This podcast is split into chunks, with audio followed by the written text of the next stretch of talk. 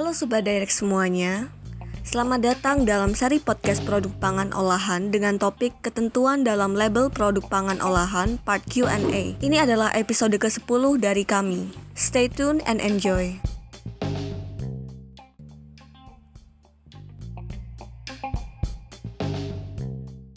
Malam Pak. Malam.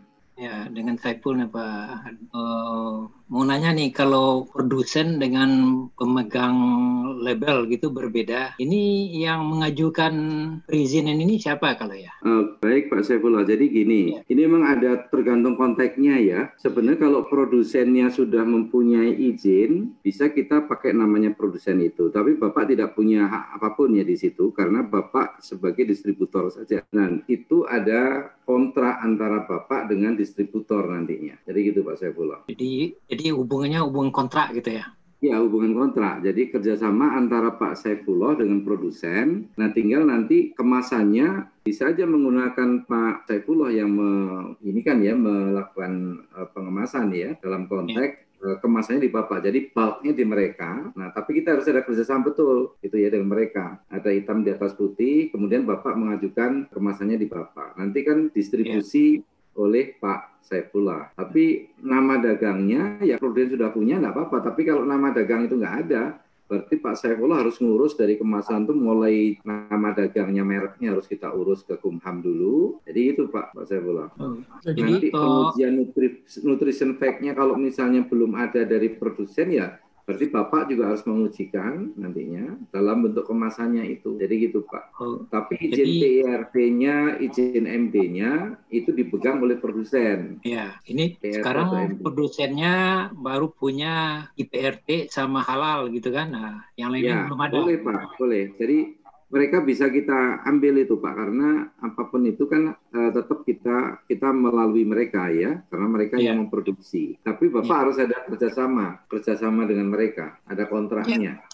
Ini ada beberapa yang tanya mengenai masalah kadaluarsa, menentukan kadaluarsa itu bagaimana. Yeah. Kemudian ada juga yang mentanyakan lab yang murah itu di mana? Monggo Pak. Ya, jadi kata luarsa seperti saya sampaikan tadi, Bapak Ibu sekalian dalam menentukan kata luarsa ini memang sebenarnya ada dua hal ya, dua alternatif yang kita lakukan. Yang pertama, kata luarsa itu bisa melalui laboratorium. Jadi kita ujikan produk kita dengan mekanisme, dia kan di lab itu kan orangnya pinter Pak, bisa menentukan nanti jangka waktu bisa berapa lama, bisa uh, satu bulan, dua bulan, tiga bulan, itu kan bisa replikasi mereka. Ya, ya. Itu satu. Yang kedua, yang cara bodon saja, cara bodon ya cara sederhana saja, ya. itu sebenarnya kita bisa mencetak dengan prediksi kita. Kita kan biasanya kalau memproduksi sesuatu kan Tahu. kita sudah melihat ya. uh, di luar ya Ya, kira-kira ya. dia sampai tahan berapa lama. Ya. Kita menentukan saja kalau produk kita ini kita anggap bisa bertahan satu tahun, ini jumlahnya 12, nanti setiap bulan Bapak Ibu uji sambil berjalan kita menjual ya. Tapi menjualnya kita jangan memproduksi sampai dan setahun dulu. Tahun itu bisa kita lakukan nantinya pada saat kita sudah pasti punya pengalaman di dalam uji kita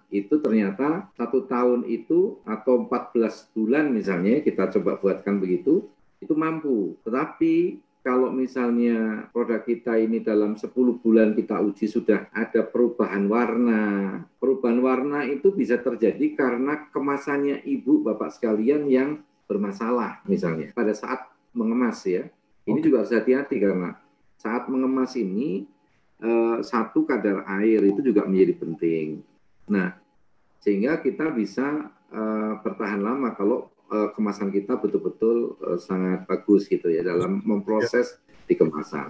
Yeah. Nah, kita uji 12 itu kita buatkan sampelnya, kita uji setiap bulan, kita uji setiap bulan. Pada saat ya kriteria kita catat semua ya Bapak Ibu sekalian ya, mulai dari warnanya pada minggu pertama bulan pertama itu warnanya bagaimana, berubah apa tidak. Kita ada ada sampel list checklistnya, kemudian rasa, kemudian apalagi yang dilihat dari secara visual apa yang bisa kita kita berikan. Nah, kita membuat list-list itu untuk mengantisipasi terhadap perubahan dari produk kita. Kalau sebulan masih sama, dua bulan masih sama, nggak masalah, tiga bulan nggak masalah, empat bulan nggak masalah, sampai dengan 12 bulan nggak masalah. Nah, lebih aman kalau ibu bapak sekalian menentukan 80% dari masa itu. Karena yang 20% atau 10% itu adalah antisipasi pada saat pengemasan bapak ibu sekalian tidak sama dengan kemasan yang dibuat oleh contoh itu itu bisa diantisipasi kemasannya. Sehingga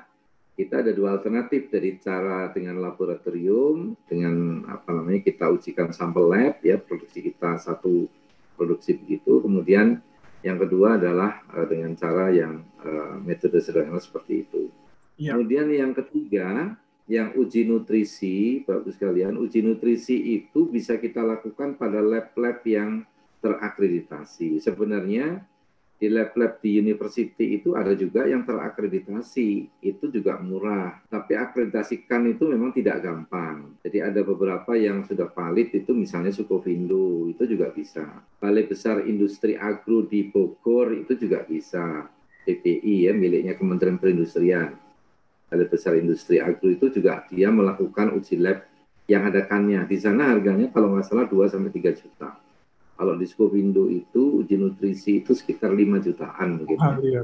Ada angler itu juga mahal tapi swasta itu. Uh, di university itu memang ada dan uh, mungkin university kadang-kadang kan termasuk pemerintah ya sehingga agak murah ya, nggak iya. terlalu mahal. Baik. Nah ini yang uh, beberapa yang bisa mungkin di apa namanya dilakukan oleh bapak ibu sekalian. Tetapi memang kalau Sukovindo itu, Bapak Ibu sekalian, di luar negeri juga sudah dipercaya. Misalnya, saya bukan promosi Sukovindonya, tapi labnya itu yang ada kannya lah, yang ada kaannya. Jadi terakreditasikan itu yang bisa kita gunakan untuk di luar negeri. Yang BB eh, Balai Besar Industri Agro yang di Bogor itu pun juga sudah kan ya, dan itu milik pemerintah. Cuman kalau Bapak Ibu tidak di Bogor kan mahal jadi ke sananya bagaimana. Mungkin bisa aja melalui uh, pengiriman ya, bisa juga seperti itu. Cuman antrinya ya panjang memang. Ya, baik. Jadi itu Pak Bim. Baik, terima kasih. Assalamualaikum warahmatullahi wabarakatuh. Pak, terkait mengenai eh, manfaat, Pak.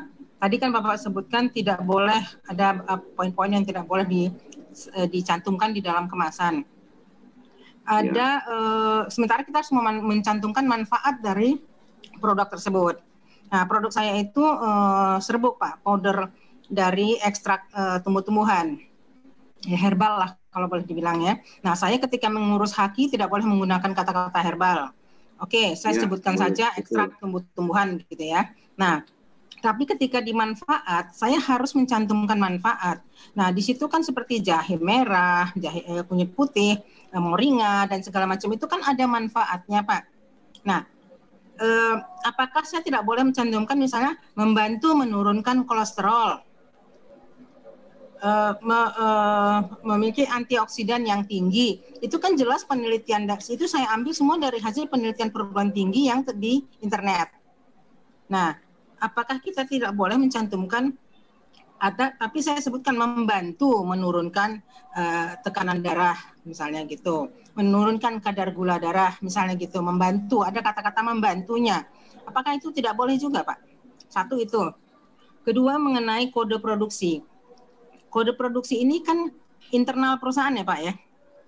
Uh, suka-suka perusahaan yang membuat kode itu kan uh, istilahnya apa ya? Kode kode produk lah ya. Nah kemudian ketiga mengenai ya kemudian ketiga mengenai barcode urusan barcode ini ke mana ya kita ngurusnya Pak? Oke, yang keempat terkait dengan pertanyaan teman dua tadi. Saya begini Pak, semua ekstrak tumbuh-tumbuhan saya ini ada sembilan varian, itu dihaluskan oleh eh, di, diproduksi oleh petani di Jogja. Saya beli sama mereka sudah tadinya bubuk kering daun kering, tapi kemudian mereka minta value yang lebih apa edit value yang di, di mereka mereka olah menjadi bubuk. Oke, akhirnya saya beli bubuk. Jadi saya tinggal hanya mengemas saja. Karena produk saya 100% tidak ada campuran apa pun, pure gitu, daun moringa dikeringkan, dibubukkan, sudah saya kemas. Jadi saya tinggal hanya mengemas. Nah, apakah di dalam e, kemasan itu saya menyebutkan di, diproduksi oleh siapa? Atau saya hanya sebagai apa namanya? Misalnya saya sebutkan produce by uh, petani kan dia nggak punya perusahaan gitu. Terus saya jadi bingung.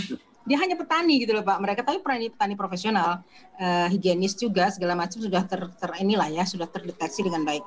Nah, saya cantumkan tadinya untung belum dicetak nih kemasan saya di produk di produce uh, produce by PT Mahagoni gitu ya PT saya. Tapi kemudian dengan adanya pembicaraan ini saya jadi bingung lagi. Saya sebutkan apakah saya sebagai produsen kah atau distributor kah? Kalau begitu kalau saya sebagai distributor, produsennya siapa? Petani. Nah, ini saya jadi bingung, Pak. Jadi empat pertanyaan ini mohon Pak diberikan pencerahan. Oh, satu lagi Pak, mengenai uh, apa namanya BPOM uh, itu ya BPOM itu kan eh, dia namanya petani tidak ada izin apa pun yang mereka urus gitu. Jadi semuanya saya yang harus mengurus ya Pak ya. Baik. Saya hanya mengemas dan punya merek dagang. Iya. Ya, makasih Pak. Assalamualaikum. Waalaikumsalam. Monggo Pak, ada lima pertanyaan di borong. Ini agak panjang ini Bu Nurul. Ini sorry Pak, sorry. Mungkin nggak ini secara sepintas saja ya Bu Nurul ya. Nanti iya, mungkin monggo, uh, bisa aja lah Pak Bib, mungkin nomor telepon saya bisa lewat FTE siap, juga bisa saya. Pak. Sehingga kita bisa bantu secara maksimal siap, ya. Siap, uh, satu kaitannya dengan uh, petani. Memang Ibu sebenarnya juga harus ada kontrak dengan petani ya. Konteksnya seperti itu. Saya nggak tahu petani ini kalau dalam proses pangan olahan, Ibu, apa pun itu, mereka harus mengurus ya, apakah itu PRT atau karena dia proses produksi, ya Bu ya, Bu, Bu Nurul ya. Ya, yeah. tinggal yang mengurus apakah Bu Nurul, apa mereka. Kalau Bu Nurul berarti di aku petani itu adalah miliknya Bu Nurul. Jadi harus di daerah pertanian sana saya mengurusnya, di dinas sana. Uh, ya mestinya begitu karena konteksnya berarti pakai BPOM kan terpisah dengan rumah tangganya ibu produksinya. Karena kalau untuk menjadi buku itu kan ibu ada proses kan bu? Ya itu di petani itu prosesnya. Makanya petaninya higienis. Bagaimana ibu mengetahui itu higienis tidak dan tidak higienis? Siapa uh, yang karena... mengapprove? Yang mengapprove dia uh, bahwa dia higienis kan tidak ada ibu. Ya kebetulan dia itu seorang dokter yang mengelola pertaniannya nah, itu. Meskipun nah. seorang dokter, Ibu, saya nggak tahu, mestinya dia punya izin-izin yang uh, kaitannya dengan bagaimana memproduksi itu agar hmm. dia mempunyai legalitas. Itu yang perlu Ibu tanyakan. Nah, yang jelas saya udah tanyakan, dia nggak punya izin apa pun. PRT nggak punya. Nah, nah itu, itu gimana? Kalau nggak punya, mestinya mereka harus ngurus dulu, Ibu, karena apa pun itu tidak bisa dibantahkan karena legalitas itu, ya. Tadi yang paparan saya yang di pertama tadi, karena sebutkan yang saya kotak merah itu, nanti saya share ke Pak Bib. Ya, materi sudah di Pak Bib kan ya? Sudah, Silakan di-share Pak Bib. Ya, sudah. Uh, itu kan ada legalitas dalam produksi pangan ya Bu ya. Nah legalitas itu harus diurus dulu. Entah itu yang mengurus Ibu atau mereka. Kalau yang kalau mengemasi saya... Ibu, kalau mengemasi Ibu, boleh Ibu uruskan. Tapi Jadi, harus di lokasi setempat. Iya, lokasi setempat sana Ibu. Di lokasi sana. Bahwa izin apa namanya BPOM. Coba nanti kita inikan lagi lah. Ibu mungkin okay, saya dengan BPOM coba saya inikan lagi ya nanti ya. Tadi okay, konteksnya, siap. tapi mereka harus ada ini dulu. Jelas ini terpisah dengan ibu rumah tangga ibu dalam proses produksinya. Nah kalau sudah terpisah dari rumah tangga ibu karena beda tempat, beda kota gitu ya. Nah otomatis harus melalui BPOM atau MD produknya. Karena produk-produk jamu-jamuan ini agak-agak sedikit pelik memang Ibu dalam konteks apa namanya sering menjadi persoalan kita dengan BPOM pun saya pun sering berdebat gitu berkaitan dengan jamu ini ya karena ini kan produk rempah-rempah yang jamu yang punya khasiat tertentu. Tetapi khasiat itu kan bukan penelitian kita sendiri dalam konteks penelitian umum kan ini Bu. Yeah. Nah, yang menyatakan ibu boleh mengurangi misalnya nanti ini bisa mengurangi kolesterol, itu mau berapa lama, berapa cc, berapa mililiter yang bisa mengurangi mm -hmm. kolesterol mm -hmm. ini. Karena setiap orang dengan bobot, misalnya saya bobot 87 misalnya kilo, dengan bobot yang orang lain yang hanya 60 kilo, dengan saset yang ibu miliki itu turunnya berapa kilo. Ini kan tidak bisa semata-mata kita hanya memberikan, oh ini membuat turun kolesterol gitu ya. Measurementnya nggak jelas Pak ya? Ya, kan ini bisa informasi yang tadi Ibu, eh, saya sampaikan bahwa kemasan kita tidak boleh menyesatkan itu loh Bu. Itu yang jadi persoalan. Karena Jadi orang bagaimana saya bahwa me, masalah kecuali bermanfaat ibu saya bagaimana? mem- memberikan gini, ibu bisa memberikan bahwa anda minum beberapa kali eh, beberapa saset misalnya. Nah ini juga harus ada buktinya kan. Berarti ibu misalnya ada ada ada uji cobanya yang dilakukan ibu terhadap seseorang. Misalnya orang berat 60 kilo minum 6 saset, kolesterolnya turun sekian persen. Tapi dia rutin meminumnya. Kayak obat kan itu akhirnya. Jadi bagaimana Pak saya mencantumkan masalah Jadi lebih manfaat? baik jangan dicantumkan ibu, menurunkan kolesterol jangan. Nah, jangan, sementara manfaat kan harus dicantumkan. Manfaat dari Eh, produk. manfaat itu bisa ya ya kalau menyehatkan itu kan secara umum saja Bu ya, tidak apa minuman sehat itu kan secara umum. Kalau misalnya spesifik kita membantu menurunkan kolesterol, misalnya gitu, membuat pusing gitu ya, menurunkan apa men- me- meredakan pusing misalnya, kan tidak bisa seperti secara langsung kita, karena kita belum pernah menguji cobakan terhadap eh, ini Bu, terhadap produk kita. Jadi kecuali saya itu hanya mencantumkan menyehatkan saja begitu. Ya, Dapat menyehatkan tubuh. saja Bu. Ya, minuman Oh. sehat bisa. Kalau minuman sehat enggak apa-apa. Oh oke. Jadi cukup Ya. kata-katanya eh, menyehatkan, eh, membantu menyehatkan tubuh atau menyehatkan tubuh begitu. Terlalu singkat ya. Iya, terus anu singkat ini ya. Bentar, ini Karena saya begini, Pak. dulu. Saya Karena begini jangan Pak. sampai nantinya itu menjadi persoalan. Kita sering kali jamu ini jamu Bu ya. Saya saya bicara jamu. Yang sering saya saya, saya temui itu eh, selalu menyampaikan seperti itu gitu ya. Dan selalu saya ingatkan hati-hati di dalam eh, mencantumkan eh, tulisan di dalam eh, kemasan kita. Karena Ya, seperti kalau ini, kita- Pak. Saya Iya. pasang iklan di FB, di IG ya, ads gitu ya. ya, uh, FB Iya. Ads. Saya tidak cantumkan di situ detail, cuma saya mem- membantu apa mem- mem- mem- menyajikan minuman untuk kesehatan gitu ya. Tapi Pak, satu hari itu puluhan bahkan sudah ratusan yang bertanya, hanya baru seminggu sudah beratus-ratus yang bertanya "Eh, manfaatnya apa ya? Daun sirsak itu manfaatnya apa ya? Moringa itu manfaatnya. Semua bertanya tentang manfaat. Nah, kalau dicantumkan salah, nggak dicantumkan orang bertanya melulu, kita kan jadi bingung, Pak. Eh, Bu, saran saya Bu Nurul gini, saran saya Hmm. Ibu ke dinas kesehatan ya eh, lebih baik kalau saya ke dinas kesehatan untuk menanyakan tentang khasiat itu. Kalau Hmm. ada pernyataan resmi dari dinas kesehatan itu ada dan Hmm. itu bisa kita angkat secara resmi tidak masalah. Boleh nggak dinas kesehatan menyampaikan seperti itu? Karena eh, yang tahu kan teman-teman di kesehatan ini ya, yang Tapi kan mereka yang- harus minta sampel dan uji lab segala macam.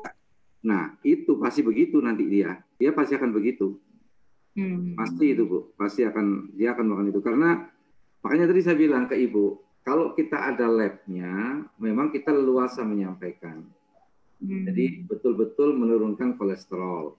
Tetapi itu kan harus ada cara pakainya. Tidak bisa manfaat saja kemudian cara pakainya tidak ada. Misalnya ibu menyampaikan eh, minum minuman ibu itu yang satu sasetnya misalnya isi 15 gram atau 20 gram misalnya ya ini ya.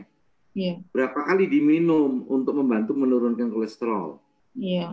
Ada dosis tertentu gitu ya. Ya, betul, ada dosisnya. Ini contohnya Bu, yang di nomor berapa ini tadi? Ada ini yang diinikan klaim gizi, klaim kesehatan lah. Klaim fungsi lain nggak bisa juga dicantumkan. Klaim gizi, klaim kesehatan, klaim ini yang yang harus hati-hati itu Bu, yang ini ya.